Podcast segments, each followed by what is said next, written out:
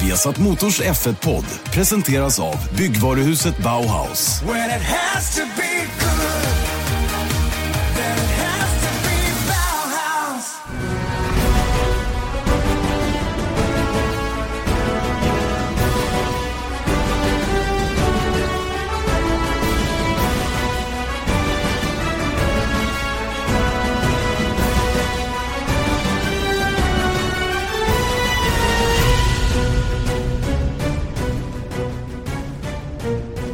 Mycket välkomna ska ni vara till Formel 1-podden. Vi har satt Motors Formel 1-podd med Janne Blomqvist och Erik Stenborg. Eh, denna Formel 1-podd som för dagen eh, har flyttat ut på landet. Mm, äntligen lite äkta racingfeeling. Eller hur? Vi sitter nämligen i ett garage på Anderstorp Raceway. Kan du tänka dig? Sveriges enda Formel 1-bana. Mm.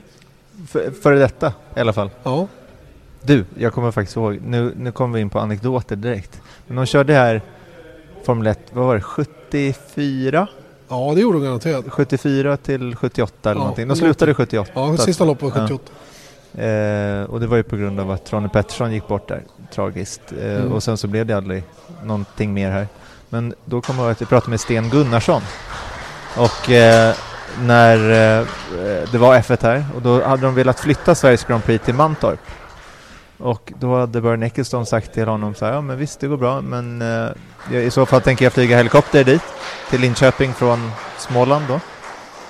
Eh, och sen så hade de eh, då ordnat fram en helikopter till Bernie för att då flyga honom till, Anders, eh, till Mantorp. Och så de lyfter, åker iväg och sen så när de kommer över banan så säger Bernie Nej, nu behöver vi inte ens landa. Det var klart då. Ja, det var klart. Det blev inget eh, F1-race på Mantorp. Ingen flytt till Mantorp, nej. Eh, och det, det som har körts, det har ju körts här på, på Anderstorp då, där vi är idag. Och varför är vi här idag då? Jo, för att eh, här huserar nämligen eh, Rajamäki F1 Experience. Mm. Det vill säga Johan Rajamäki då som, som driver en rörelse som, som gör det möjligt för vanliga människor att få prova Formel 1. Mm. Vilket är helt sinnessjukt egentligen. Jaha, det är det. Att tänka sig.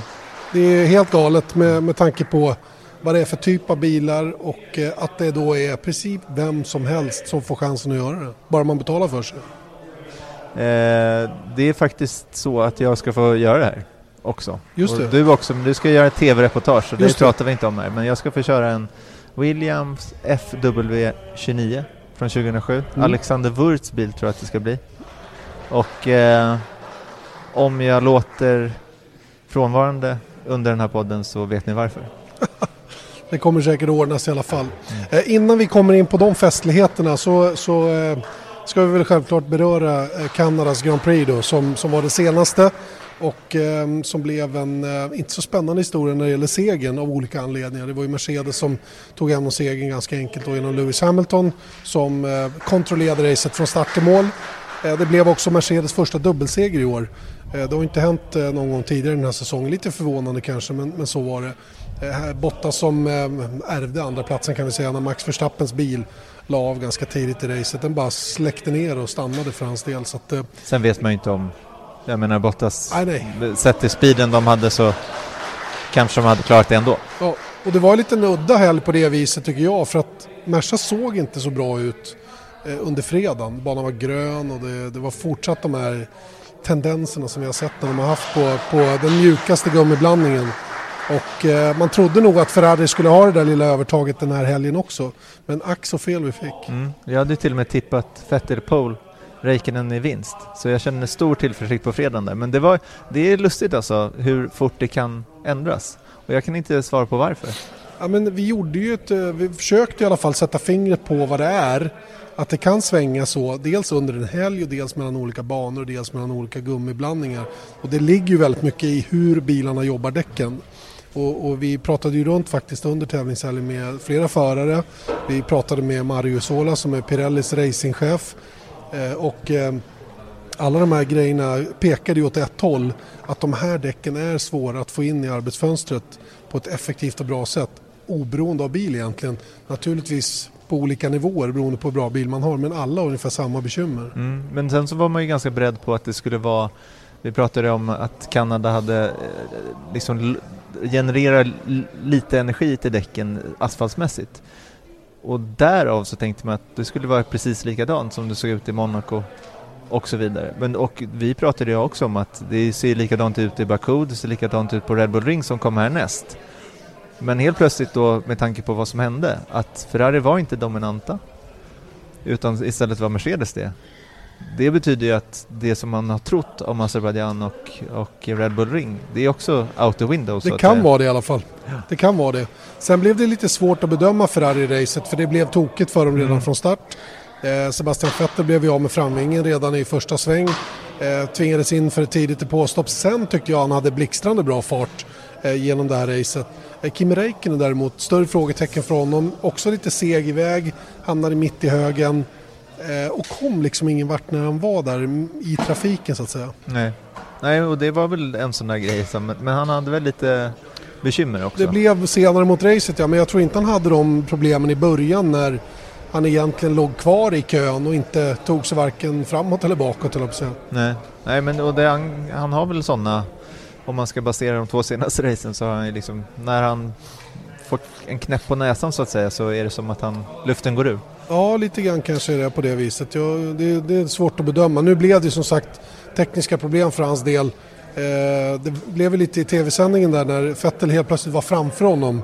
Så vart man så här, nu har, de, nu har de bytt plats på dem. Mm. Men det visade sig ganska snabbt att de inte hade gjort det. Kimmy missade in i sista chikanen och sen hörde vi ju mm. hur han eh, ja, hade problem med break-by-wire-systemet som gjorde att han var väldigt långsam några varv, tappade ner till sjätte, sjunde plats någonstans i slutändan. Och, ja, det var helt enkelt eh, tekniken som strulade för hans del. Men det, det, blev generellt sett en ganska risig helg för Ferrari. Mm. Så nu kan man ju säga att Ferrari och, och eh, Mercedes har haft varsin jokerhelg för sina toppar i alla fall. Mm. Och sen så har vi ju, eh, Vettel kom sexa va? Fyra. Fyra, fyra, just det. Så han räddade ganska mycket poäng. Men Mercedes gick om i konstruktörs-VM. Mm. Och eh, Vettel tappade 13 poäng tror jag i mästerskapet och eh, har 12 kvar utav ledningen då som han hade inför Kanadas Grand det, är ganska betryggande ledning ändå fortfarande men mm. det tajtar ju till helt klart. Det lustiga är att man blev ganska nära påmind av hur det såg ut förra året när två Mercedes sticker iväg i toppen. Men det som var roligt var ju att det fanns den här bufferten på 25 poäng till, till Vettel så det spelade liksom ingen roll. Nästan. Nej. Att det var, så här, det var nästan bra mm. att han hämtade hem så pass mycket. För att det blir intressant. Det blir mer spännande inför fortsättningen. Ja, hade, det, hade han legat 32 poäng framför efter Kanada, då hade man börjat ana lite oro kanske? Att... Från Mercedes sida, ja. absolut. Och jag, jag, tror att det var helt nödvändigt det här resultatet för Mercedes del för att komma tillbaka in i fighten. Sen är det ju ohyggligt långt kvar att köra. Mm. Vi har 13 race kvar innan vi har nött slutet på den här säsongen och det kan svänga många gånger än.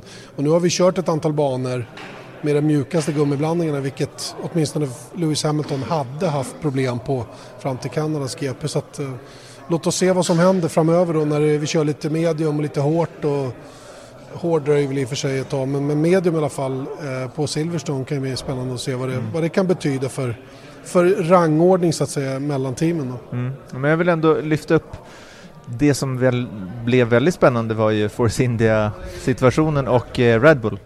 Jösses. Det var ja, hård fight. Alltså. Absolut, va? och det som blir extra intressant är ju det, det som hände i, internt i Force India med mm. Esteban Ocon och Sergio Perez där um, Ja, vad tycker du om det egentligen? Ja, vad alltså... som hände? Det var ju att ja, teamet ville att Ocon skulle få försöka på Ricciardo för han hade bättre däck. Men Perez käftade emot, ja, rent ut sagt. Han argumenterade för sin sak och varven tickade ner mm. och till slut var chansen borta.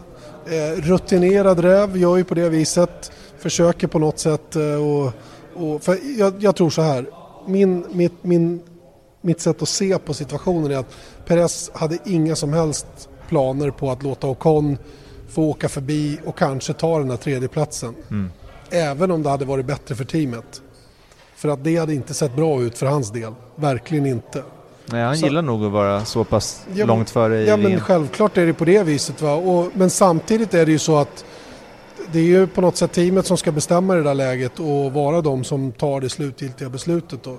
Sen blev det lite konstigt för efteråt har ju Vijay Mallya, ägaren, sagt att vi är stolta över att inte ha teamorder i vårt, i vårat team. Vi, vi har inte... Har han sagt vi, det? Ja, vi bestämmer inte på det viset. Däremot så kommer jag att eh, kanske tydliggöra vilka riktlinjer som gäller. Och eh, jag tycker det är att tala emot sig själv på något sätt. Ja, om man inte ser det som att, vilket de sa, att om inte Ocon hade lyckats ta sig förbi eh, Ricardo så hade han fått släppa tillbaka. Mm. Men det är ändå så att det, jag tror inte Perez gillar det där. Att Nej. liksom hålla på att byta plats med varandra. Och det var, det, det, nej, han ville vara liksom först i mål kort och gott. Mm. Även om det väckte lite ont blod internt i teamet. Eh, och eh, jag läste en tweet som kom från Paul de Resta som har kört i Force India tidigare. Han skrev att eh, intressant att vara med på debriefingen efter loppet. Mm, Även om teamet utåt sett verkar säga att allt är lugnt och förarna är nöjda och glada så, så vet ju han hur det funkar. Mm. Så att det kan säkert ha varit lite, lite hårda ord där efteråt. Mm. Framförallt från teamledningens sida, inte så mycket från Ocon. Utan mera från de som styr hos Force India. Du, det är vi som anställer dig. Men då kommer vi till nästa lilla intressanta sak, nämligen att Perez kommer med rätt stor del av Force Indias budget. Säkerligen mer än det som Ocon har med sig genom Mercedes. Och då kanske han kan ta sig lite större frihet, jag vet inte. Mm. Nej. Vad tror du? Nej, omöjligt svar på, men jag tycker eh, på ett sätt så tycker jag, sett till teammässigt att de vill ju behålla den här fjärdeplatsen. Så att göra ett försök, antagligen så hade inte Ocon lyckats ta sig förbi heller. Men ändå lite coolt tycker jag av, Perez att vara så um, kall i det där läget att han bara nej, eh, och ar- som du sa, att han argumenterade ju för det. Ja men vä- vänta nu. Nu säger jag så här. Ponera att det här var, eller det var så här i Sauber förra året. Mm. I Monaco. Exakt samma läge. Och, och eh, Filipe Nasser blev tillsagd ett antal gånger att skifta plats med Eriksson för Eriksson hade bättre chanser Mm. att ta sig framåt. Och han vägrade. Och jag vet ju vad många tyckte om den historien och, och hur det uppfattades utåt sett. Är det någon skillnad på den och den här tycker du? Nej, det tycker jag inte. Men jag har aldrig sagt att jag tyckte att eh, Nasser var en idiot Nej men i inte den det. där grejen heller. Utan det som blev dumt var ju att omkörningsförsöket den gången kom på ett förvånande ställe eller vad man ska säga och dessutom då att Nasser var så pass hård. För att jag om man tittar på den, eh, den incidenten så tycker jag att jag är rätt övertygad om att Nasser hade full koll på att Eriksson kom där. Och det är ju en helt annan grej. Men det är, ju det, det är ju den typen av situationer ett sånt här beslut från Perez sida kan skapa. Mm. Och det är ju det teamet vill undvika. Mm. Förstår du? Mm. Men då borde de inte ha gjort det överhuvudtaget. Vad sa du? Då borde de inte ens ha frågat det. Nej, eller så, eller så förväntar man sig att bli åtlydda. Mm. Ja, Och det är ju så att teamet kan ju inte kontrollera det som sker på banan. Till Nej. syvende och sist är det ju förarna som kör. Men det där är ju alltid ett knepigt läge. Om ett team vill en sak, vad har de för påtryckningsmedel för att faktiskt få det genomfört också? nej, inga antagligen. Nej, Det inte, beror- det- inte det- då. Nej, och det beror säkert på vem det är också. Mm. Jag menar, hade Palmer gjort något liknande? Nej, då kanske hade... Det hade han säkert inte gjort, för han sitter inte lika säkert. Nej, inte så, men jag, jag kommer, då blir det så här, då blir det nästa diskussion. Ska man tycka att det här är fair game, att, att teamet blandar sig i vad som händer på banan? Ja, men det är ju samma diskussion som vi hade eh, runt teamorder. Ja, det ju, Att det är tillåtet att göra det, som, det spelar ingen roll egentligen vad man tycker. Nej. Utan det är tillåtet, reglerna säger att man får göra det. Sen som de, det, det får de ju lösa internt. om vi ser utifrån ett sportmoraliskt eh, perspektiv då. Ska teamen blanda sig i? Ja, nej, det är jättesvårt. Nej, Helst inte såklart. självklart inte. Men det är precis som du säger, Ja. det är ju samma fråga som angående Kimi Räikkönen och Sebastian Vettel i Monaco. Oavsett om teamet blandade sig i eller inte. Va? Det, det väcker ont blod Mm. när man från depån går in och försöker manipulera resultatet. Men i det här fallet så tycker jag att det var en annan fråga. I form av att låt Ocon försöka släppa, lyckas han inte så, så släpper han tillbaka. Sen så är det en process också, så om man verkligen hade gjort det. Om jag menar, säg att han hade dragit ifrån tre sekunder från, från Perez, då hade ju Ocon såklart hävdat att nej, han var för långt bort Mm. liksom. Men, eh, så det vet man inte. Det, är- det, det är ju hypotetiskt allting. Men, men det är en annan grej tycker jag. Ändå. Att Mm. säga så här, nu ska du släppa om Ocon. För det vill vi bara. Mm. Men han säger ju så här, låt honom försöka och släppa honom. Det Perez kan ha gjort däremot är att han kan ha kostat Force India en tredje plats. De hade kunnat bli trea, sexa Mm. typ. Mm. Nu blir de femma, sexa istället. Mm. Och eh, ur ett teamperspektiv så är det ett sämre resultat. Mm. Punkt slut. Mm. Ja, och det är det jag menar, att jag kanske inte... Ett teamorder, det är att släppa förbi någon så att se till så att den personen kommer före Mm. för, och sen ta mer poäng. Men i det här fallet så var det ju ett försök att få göra det. Just. Och då, då tycker jag att det är mer okej. Men Mm. det är ju också beroende på perspektivet man Jag har ju har. hört samma order delas ut i Red Bull till exempel och, eller om det är Toro Rosso som har haft eh, situationer som har varit liknande där den bakom uppfattar att den är snabbare. Och Multi jag vet 21. att det sker i många team just den här typen av diskussioner. Mm. Ja, absolut. Men den som kom tre var Daniel Ricciardo. Tredje pallplatsen på raken. Mm. Och det tycker jag är coolt för det han gör och det sa han också i eh, intervjun som vi hade efter kvalet att han bara sa ja, men jag vann här från sjätte plats 2014 tror jag att det var och då sa han också att jag ska bara göra precis som jag gjort i Spanien och i Monaco att se till att vara med där uppe så att om chansen kommer då ska jag välja mitt tillfälle att vara snabb och det är ju verkligen det han gör. Sen så var inte det på egna meriter helt och hållet men tre pallplatser i rad, det är Ja, svårt att... Det är bra. Ja, Det- tredje gången gilt. Det liksom. tyder på bra racecraft och lite omständigheter givetvis då. Till exempel att hans teamkamrat då fick, fick bryta tidigt i racet då med... Ja, men i slutändan så var det Ja. tredje pallplatsen i rad Ja. och då spelar det ingen roll för att Nej. han såg till att vara där han var. Mm. Och sen så, du vet, visst, man kan inte styra om ens motor går sönder till exempel, men ändå. Eh, apropå Red Bull så är, kommer det lite oroande informationer från Renault om att de inte planerar någon större uppdatering utav motorn förrän till 2018. Och det här eh, tror jag inte är några roliga besked för, eh, för de Renault-skodda teamen överhuvudtaget att få Nej, och det har ju Max Verstappen varit eh, väldigt tydlig med. Precis, va? han blir nästan oroad även inför nästa säsong att de kommer att, det steg de behöver ta då till 2018 blir för stort Mm. för att hänga på medan de andra utvecklar redan i år. Mm. Så att det är lite, det är lite trixigt. De kan inte direkt gå till Mercedes längre, för den kvoten kanske är uppfylld. Exakt, och det är ju ett annat rykte som växer sig allt starkare då att Honda McLaren kommer att gå skilda vägar. Och jag och Eje pratade jättemycket om det när vi var i Kanada om vilka förutsättningar som skulle gälla för ett sånt där uppbrott. Eh, Eje menar att det McLaren gör är att försöka reta eller provocera Honda att hoppa av själva. Mm. Vilket innebär att de måste fortsätta honorera kontraktet med allt vad det innebär i form av pengar.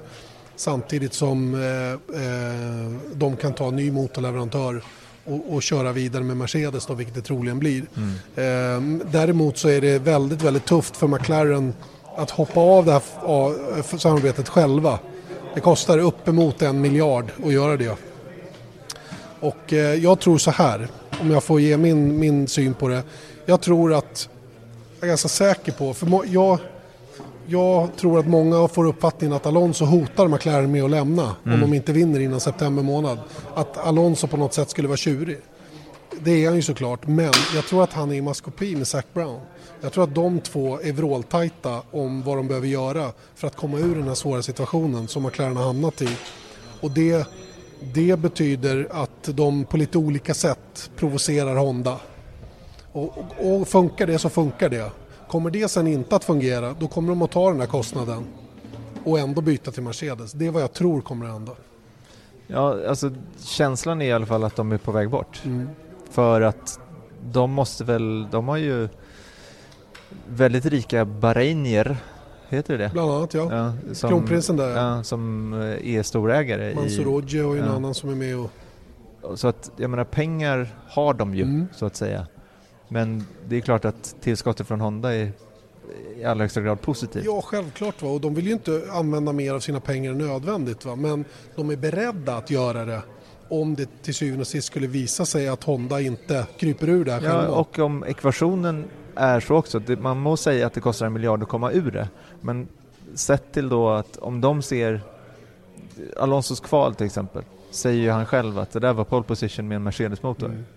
Ja, om det nu hade varit det, om de hade varit med och du vet, plocka konstruktörspoäng, kanske komma ett eller två i VM, de får ju bonusar i det gamla systemet också. Jag menar, då kanske helt plötsligt ekvationen går ihop. Ja. Även om de eh, torskar en miljard på. Honda så, så kan de ju kanske få tillbaks nästan samma pengar och då kanske de ser det som, som värt det. Mm. Titelsponsorer som kanske strömmar till då och hej och hå. Så det, det, det är mycket möjligt att det här kommer ske, känns det som. Mm.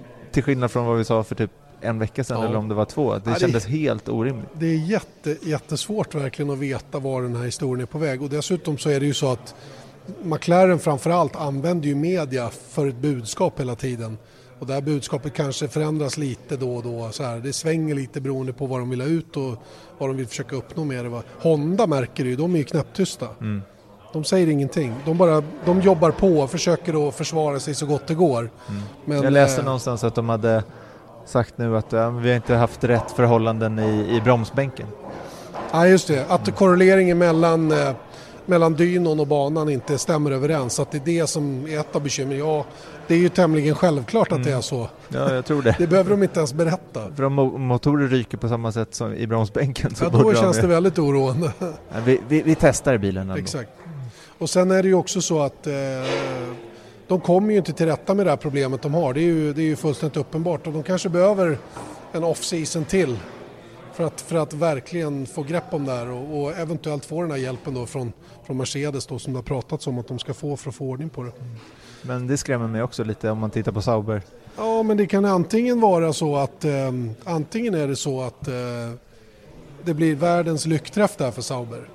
Att precis när Honda hoppar av och bara Sauber blir kvar så kommer det breakthrough. Ja, så kan det bli. Så men det menar, Men det det har man ju också- tänkt på i två år. Ja, det har man gjort va, men hur vi än ser på det så kommer de ju närmare och närmare att komma till ordning med saker och ting. Tror jag i alla fall.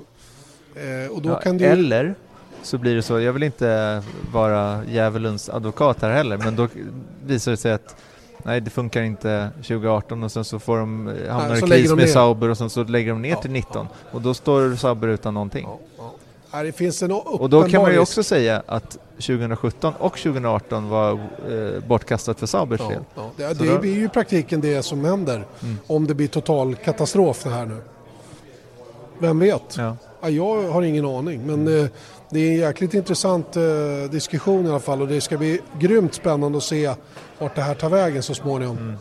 För jag tänker också att McLaren bör ju ha, även om de inte vet allt, så bör de ändå ha en känsla då. Det, jag menar, de första åren har de ju liksom tänkt då att ja, men det här kommer nog lösa sig framöver, men om de väljer att hoppa av så gör de det på dels goda grunder bakåt i tiden, men kanske också på ganska goda grunder framåt i tiden. Det där lät inte alls bra. Ja, men det kan ju vara så. Ja, självklart kan det vara det. För att om de känner så här att om Honda bara, men nu vet vi vad problemet är, ska vi ordna till det här, det kommer ta tid, det kommer gå till oktober. Men till Japan så Mm. kommer vi se bra ut eller någonting sånt där och om de kan påvisa det, då är det inte så att McLaren bara, nej, skit i det, vi, har, vi går till Mercedes ändå. Ja, Antagligen, utan du förstår vad jag menar? Ja, ja. ja vi jag fattar precis. Och det, tänk att få vara en fluga på väggen där och verkligen få reda på vad som är det exakta problemet. Mm. Frågan är bara om de vet det Nej, det är överhuvudtaget. det jag undrar. Han- Hasegawa sa ju till oss i Ryssland att eh, innan säsongen är över så kommer de att vara med och slåss om pallplatser. Mm. Just nu ser det inte ut så. Nej, men hur många år har man hört det? Exakt. Ganska många. Men då undrar man ju, nä- nästa sak som man undrar är ju, Det är Hur väldigt my- mycket ljud här, Ja, det är det. veta. Men det kan man det få leva med. Det är folk, gasglada Svenskar. människor som ska snart köra Formel 1. eh, jo, man kan ju också undra hur stor motivationen är från Hondas sida att komma med en framstressad uppdatering i Kanada när de bara får skit från McLaren hela tiden också. Ja, men sen så ryker ju motorerna åt höger och vänster också. Så att, ja. Nej, skrämmande situation. Du, ehm, eh, innan vi går in på eh, dagens huvudnummer, här, nämligen egen körning i Formel 1-bil. Eh, några andra förare som ska lyftas fram? Stroll tycker jag, i allra högsta grad. Ja, det Jo men alltså, bra resultat. visst. Men jag menar, man får ju lägga lite band på sig. Jag tycker att kanske vissa har gått lite väl långt med att Kritisera. hylla Mm. till exempel hans team då. Men han höll ihop det. Och det var inte ett ensamt race som han bara låg och puttrade runt utan han körde faktiskt mot folk också. Och det gjorde han med den här. Jag eh, är väl också av samma åsikt att han gjorde ett bra race och ska ha väldigt mycket beröm för det han klarade av att göra, nämligen att bli nia, ta sina två första poäng. Eh, tycker fortfarande man ser tendenser att han stressar. Han är inte i fas riktigt med, med livet just nu och jag är av eh, uppfattningen en gång, ingen gång, än så länge. Han ska, få, han ska behöva göra det här några gånger till. Men det här kan definitivt vara genombrottet för honom i år. Att få göra ett sånt här resultat. Dessutom på hemmaplan och med all den positivism som kommer genom att göra det just i Montreal. Mm. Och speciellt då att de första poängen är svårast sägs det ju, den första vinsten är svårast och nu vann han ju inte men bara att han tog poäng var ju en vinst för honom med tanke på hans, hur hans psyke måste sett ut innan. Absolut. Trasor antagligen. Ja, tro, troligen. Selling a little or a lot? Shopify helps you do your thing however you cha-ching. Shopify is the global commerce platform that helps you sell at every stage of your business. From the launch your online shop stage to the first real life store stage, all the way to the did we just hit a million orders stage.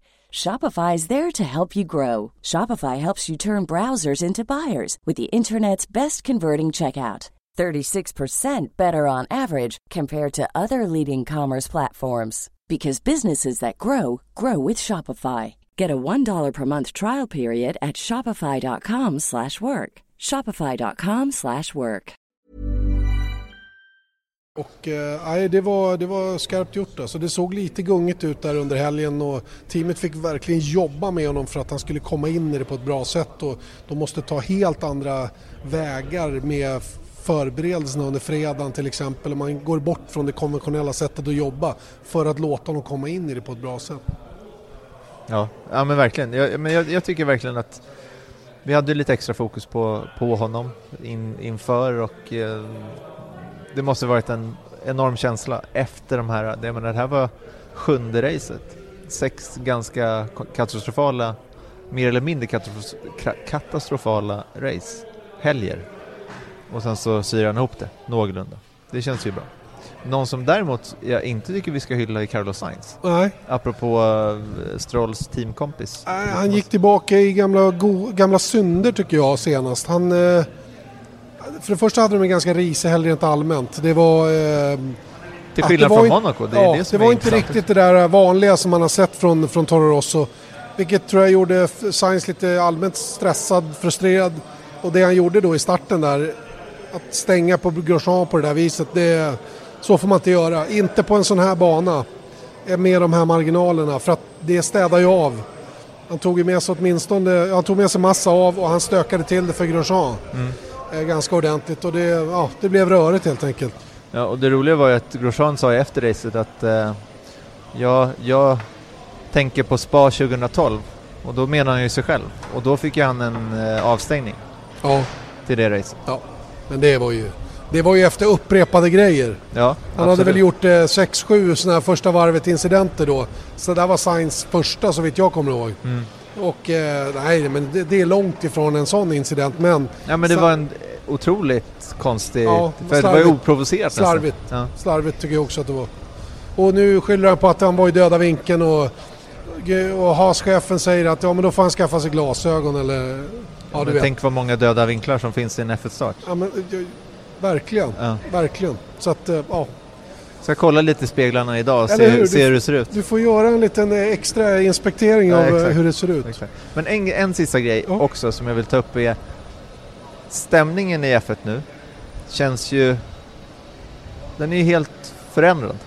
Och det är bara, man får ytterligare bevis på bevis på bevis när det här händer. Att, då tänker jag på att de har filmat i förarmöten och de har eh, nu och jag tänker bara på du vet om man hör att det ska vara en filmstjärna som ska göra podieintervjuerna. Det är sällan en bra, en positiv eh, grej. Att, du vet, Placido Domingo som står och vrålar. Och nu kom Patrick Stewart. Är han Spock eller? Nej, inte Spock, men han var någon Star Trek-gubbe ja. i alla fall. Ja. Du är Trekkie eller? Är du Trekkie? Nej. Nej. Ja, verkligen Nej, det inte. låter som det. Nej, men lite ja, men fall, Det blir skitkul. Det blir jätteroligt. För att de pratade på, jag tycker bara stämningen att hela, hela, jag, jag är bara glad. Håller du inte med? Jo, jo jag menar ta lördagen. Vilken display. Ja. Ge bort en Senna-hjälm till Hamilton när han nådde 65 pole. Det glömde jag bara. bara. Och framför läktare två där det var helt fullsatt och Ja, det var magiskt. Det är eh, min helikopter, helikopter som varmkör lite. Ja, det är bra. Så att den är redo när jag ska åka härifrån sen. Ja, det är bra. ja, men det är fränt. Det är, det är en bra dag det Ja, det känns som... Det finns folk som har pengar ja. Jag håller med. Jag, däremot kan jag tycka det här driver briefing-grejen, det, det, ja, det är jag, nonsens. Jag menar bara att de gör de här små stegen oh, hela tiden. Liksom. Jo men det, och visst, det är ingen eh, nydanande grej, men jag tänker bara på skillnaden på att det var otänkbart Absolut. tidigare. Absolut. Så att jag menar, alla bäckar små, Ja. många bäckar Ja, små så Jag blir ska, det... inte, jag ska inte vara negativ till det där. Jag bara tyckte att det, det fyllde liksom ingen funktion. Se en skolklass sitta där och käbbla med varandra. Det Visst känns var, ju... visst var det kul, men jag håller med om att, att bara själva grejen var ju kanske inte enorm, men just när man känner till F1 så, så blir det faktiskt enormt ändå. Det var en liten frän eh, bakom kulisserna grej. Ja. Så kan vi väl säga att det Så var. var det. Nu ska ni få följa med bakom kulisserna på, på den här verksamheten som vi är och besöker idag. Eh, vi lämnar där med Kanadas Grand Prix. Innan vi gör det bara, ska vi redovisa tipset? Nej, Ska jag tycker inte det? vi gör det då. Var det dåligt? Ja, men jag, Tog jag en poäng? Ja, du tog en poäng. Ja, och du tog Noll poäng. noll poäng. Ja. Det är sex lika nu alltså. Ja, det är det. Det var därför jag inte ville göra det. I'm Du on a roll. Du tog ju Hamilton i pole Just det. och så tog du Vettel som segrare Ja, och eh, Stroll tror jag. Ja, som, Jag trodde han skulle bryta först. som bryt. Och eh, än en gång har vi helt fel för jag tog Palmer Just det. eh, som bröt först och jag tog då Vettel som vinnare och eh, nej, Kimi Fett- Räik- Vettel som poleman och Räikkönen Kimi som, som vinner. Just, ja, way det. Gick käpprätt åt Borde få skogen. minuspoäng idag. All right. Vi eh, får eh, bättra på oss till nästa vecka. Men som sagt, nu eh, ska vi lämna Kanadas Grand Prix och istället ge oss in på, eh, på veckans övning. Nämligen att Erik ska få prova det här med Rajamäki F1 Experience. Och eh, vi tar väl ett eh, snack med huvudpersonen själv, nämligen han som anordnar det. Hur går det till egentligen? Och eh, vad, vad, hur 17 anpassar man en Formel 1-bil för att passa vem som helst? Det är en rätt intressant fråga faktiskt. Men jag är väl inte vem som helst? Nej, inte du, men många andra. Ja, exakt. Ja, vi är som sagt på plats på Anderstorp idag och eh, det här är hemvist för eh, en person som eh, uppfyller drömmar. Johan Rajamäki, du, du är en sån, en drömuppfyllare, är det inte så?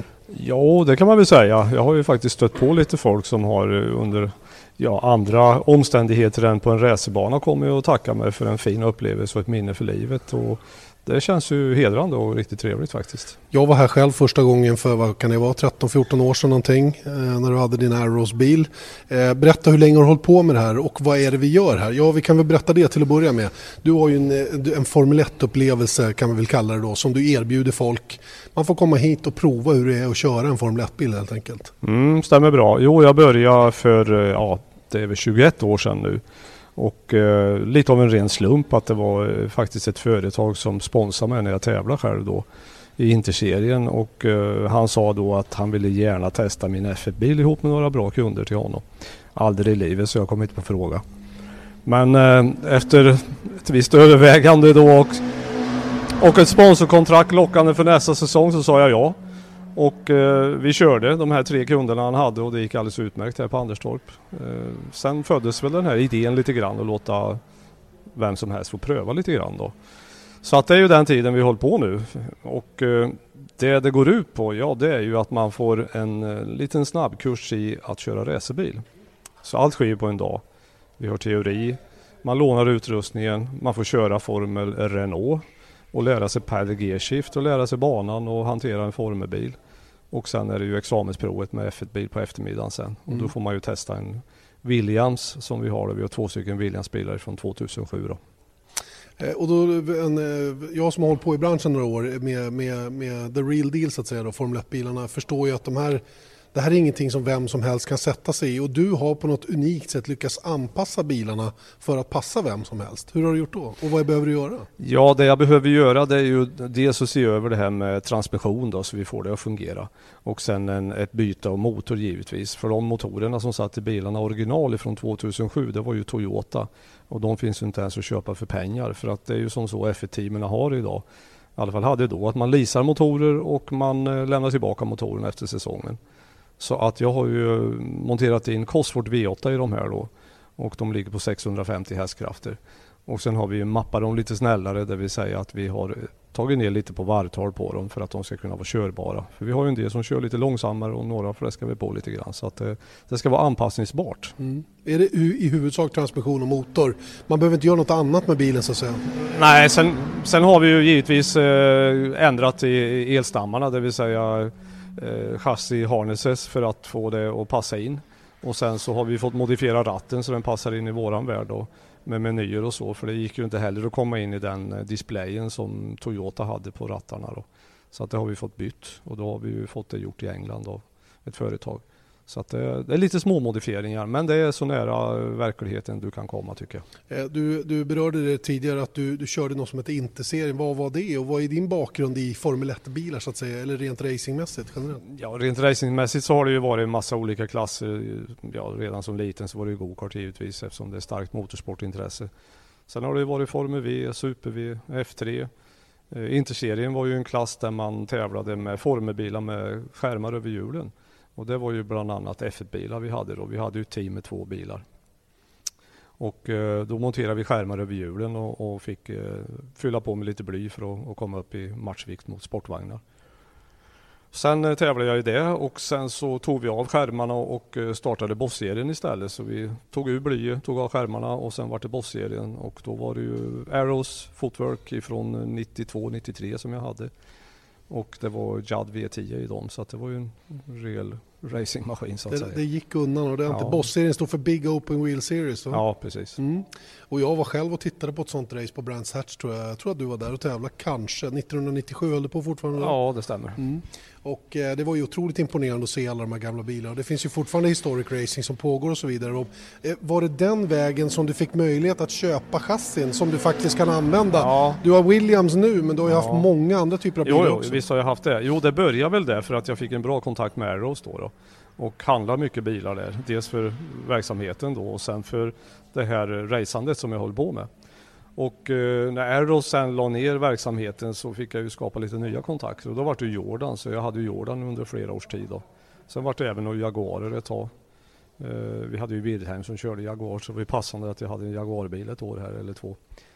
Och sen så vart det ju Williams här och det är ju nu våran tredje säsong med Williams. Och det var ju ett möte jag hade först med dem, inte bara ett utan det vart flera möten för att få det här spikat och godkänt att jag fick använda bilarna för det jag håller på med. Ja, de är lite känsliga sådär Formel 1-teamen. De säljer gärna chassina men de skriver ofta in att de inte får köras. Varför mm. är det mm. så?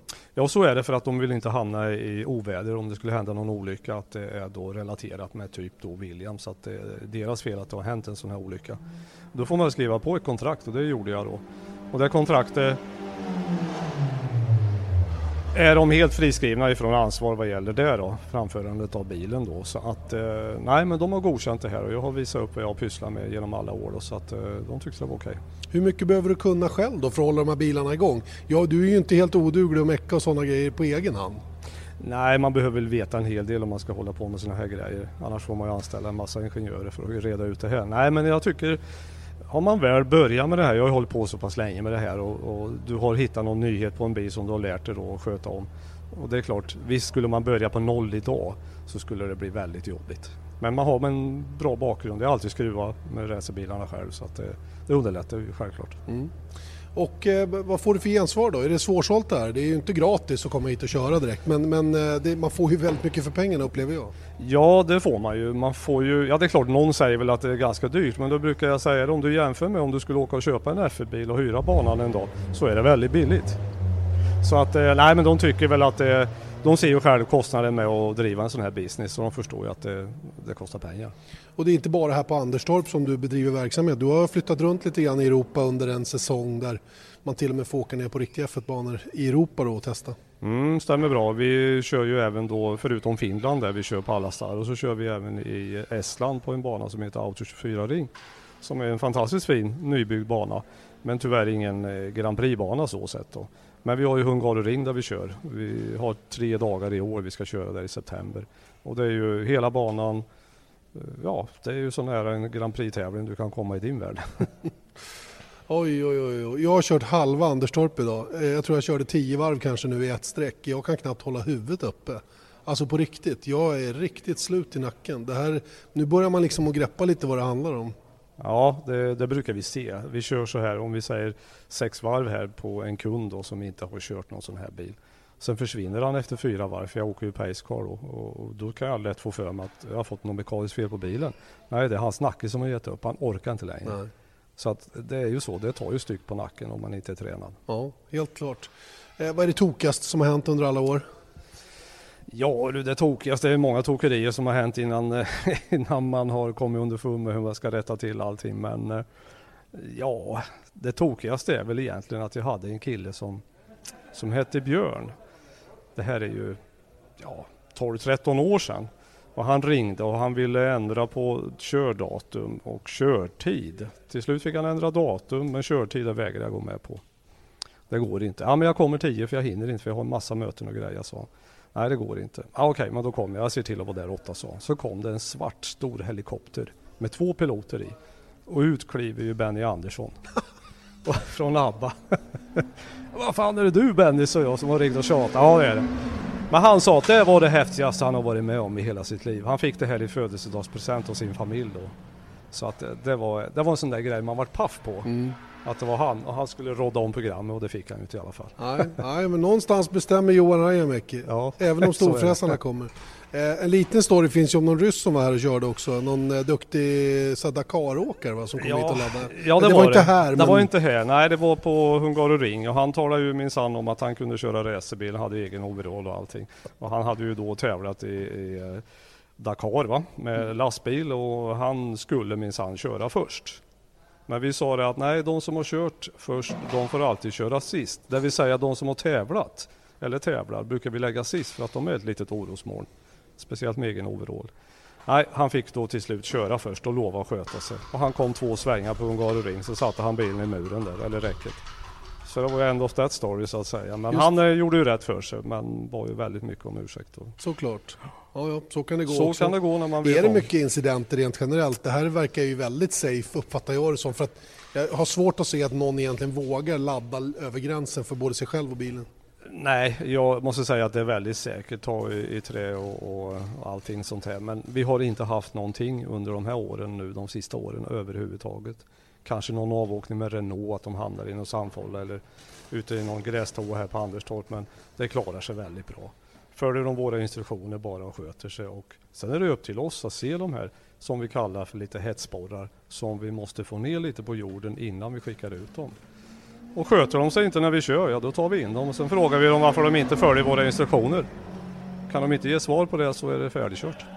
Och nu när du har sett mig då i det här gänget och ungefär hur jag uppträtt på banan, håller jag mig inom ramen för Ja, du är en exemplarisk kund alltså. Helt perfekt. Du gasar på när bilen är rak som vi har lärt er och tar det lite easy peasy där du ska ta easy peasy. Exakt. Och ändå hålla farten uppe så att grejerna fungerar. Hör du, min nacke säger att det gick alldeles för fort. Ja, men så är det. Det sa jag ju till dig. Nej, fantastiskt där eh, måste jag säga. Det är ju en eh, imponerande verksamhet på alla sätt och vis och alla som får möjlighet att testa tycker jag ska komma hit och åtminstone prova. Sen kanske man behöver spara lite pengar några år innan man klarar av det va? men det är värt varenda krona. Nu ska vi skicka ut Erik Stenborg i en av bilarna här så småningom får vi se hur det går. Ja, men det går säkert bra. Nu är det hjälmen på. Ja, fy fan. Det här är blandade känslor. Det är ju drömmigt på ett sätt men mardrömmigt på ett annat. Alltså. Det finns inga mardrömmar med det här, jag lovar dig. Nej, inte när jag, väl kom, när jag sitter i alltså. Då kanske. Du har ju lite bättre framvinge än jag hade också. Ja, Eller vara kanske mer. Mer framvingen, det behöver jag. Jag gillar ju överstyrt. Exakt, Så exakt. I med det nu. Hoppa i. Hoppa i nu. Du håller på att slösa bort någon tid där. Erik glider nu ner i bilen markerad med Alex Wurts namn. Williams eh, FW29. Det får mera plats för bältena på din bil än när jag körde. Ja, men det har att göra med eh, kroppshyddan tror jag. Jag tror det. Jag vill inte vara sån men det, jag är det ändå. Jag får uppfattningen om att det är på det viset också. Bältena åker i alla fall på. Jag är så, jä- jag är så jävla torr i munnen nu. Ingen saliv överhuvudtaget. Kommer han att reda ut det här? Jag tror det. Jag tror det går fint. Han bara, nej, nej. Han har ju ändå blått och vitt på hjälmen. ja, det har han. Du, vad sa vi Kim i söndags på radion? Ja, om inte censurera så mapping 40 och 42 på engelska och sen kom det vittu. Det var väl det jag trodde. Det var väl det jag trodde. Vi eh, behöver inte förklara det tydligare vad det betyder. Det var ett fult ord i alla fall. Erik är nu alldeles strax klar för att rulla iväg. Tvåans växel i. Kopplingen bra? Och bromsen är bromsen. Så. Så får du trycka försiktigt på gasen då när Ja, du börjar accelerera. Den här, eh, ratten är rak. Och eh, så får du värma på däcken, värma på bromsarna.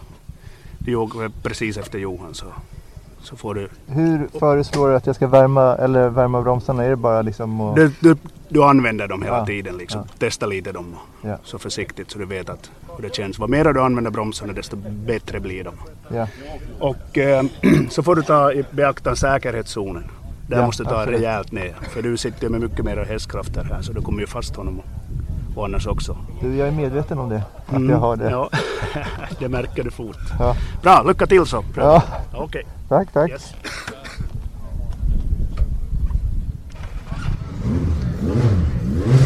Då är det fire up här ska vi se. Erik Stenborg är först på väg ut. Men eh, Johan Rajamäki tar en eh, Formel Renault och eh, använder som pacebil då. Så då säger vi hej då till Erik. Lycka till!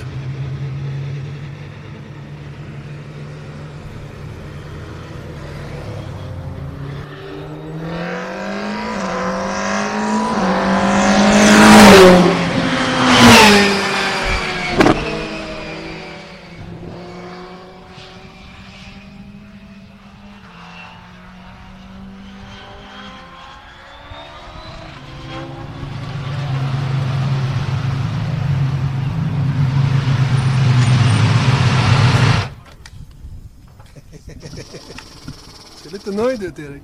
Fy fan. Vad sjukt. Det är helt jävla sinnessjukt. Knäppa ur och kom Jag kan det inte nästa. säga någonting. Nästa ska i.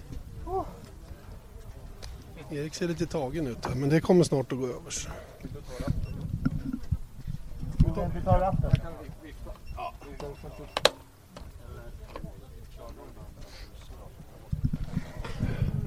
Så, ratten ur. Erik ska försöka nu med darriga ben kliva ur bilen utan att trampa sönder något golv. Kom till mig, kom till mig.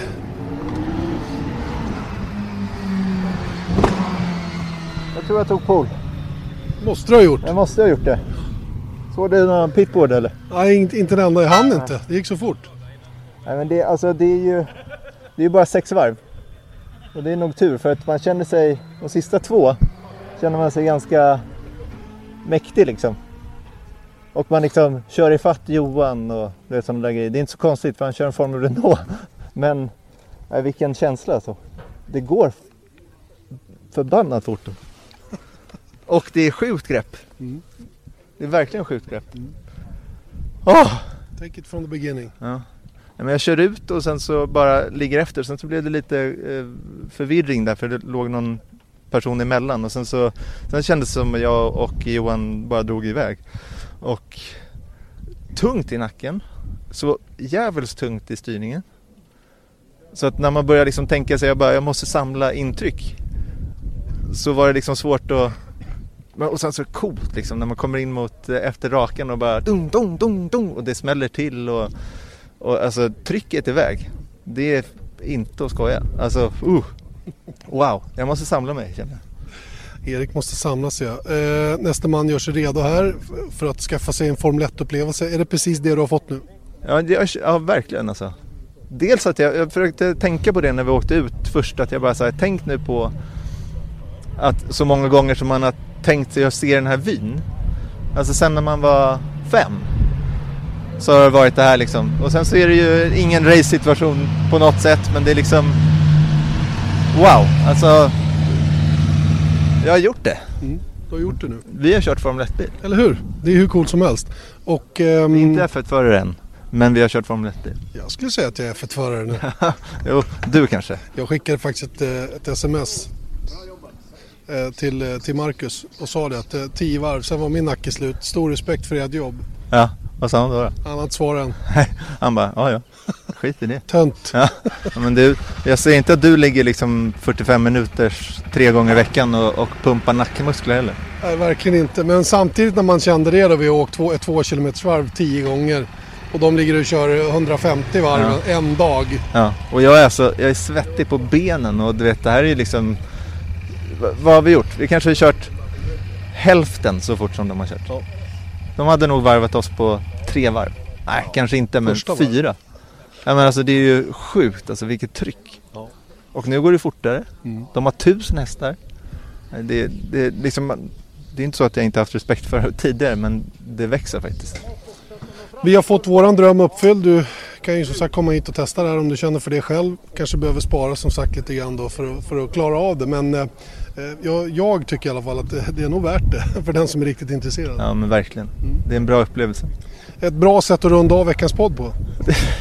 jag, tycker det. Jag vet inte hur man ska kunna förbättra det här riktigt. Nej, det är sant. Som sagt, vi tar och rundar av eh, F1-podden här nere från Anderstorp med eh, de här intrycken som Erik hade med sig från sina första varv i en Formel 1-bil. En Williams FW29 från 2007 som tävlades av Alex Wurz en gång i tiden. Och eh, vi är tillbaka igen om en vecka. Då ska vi börja prata upp nästa Grand Prix, nämligen Azerbajdzjans Grand Prix. Då vi ska till Baku. Vi säger på återhörande om en vecka igen. Janne Blomqvist och Erik Stenborg. Vesat Motors F1-podd presenterades av byggvaruhuset Bauhaus.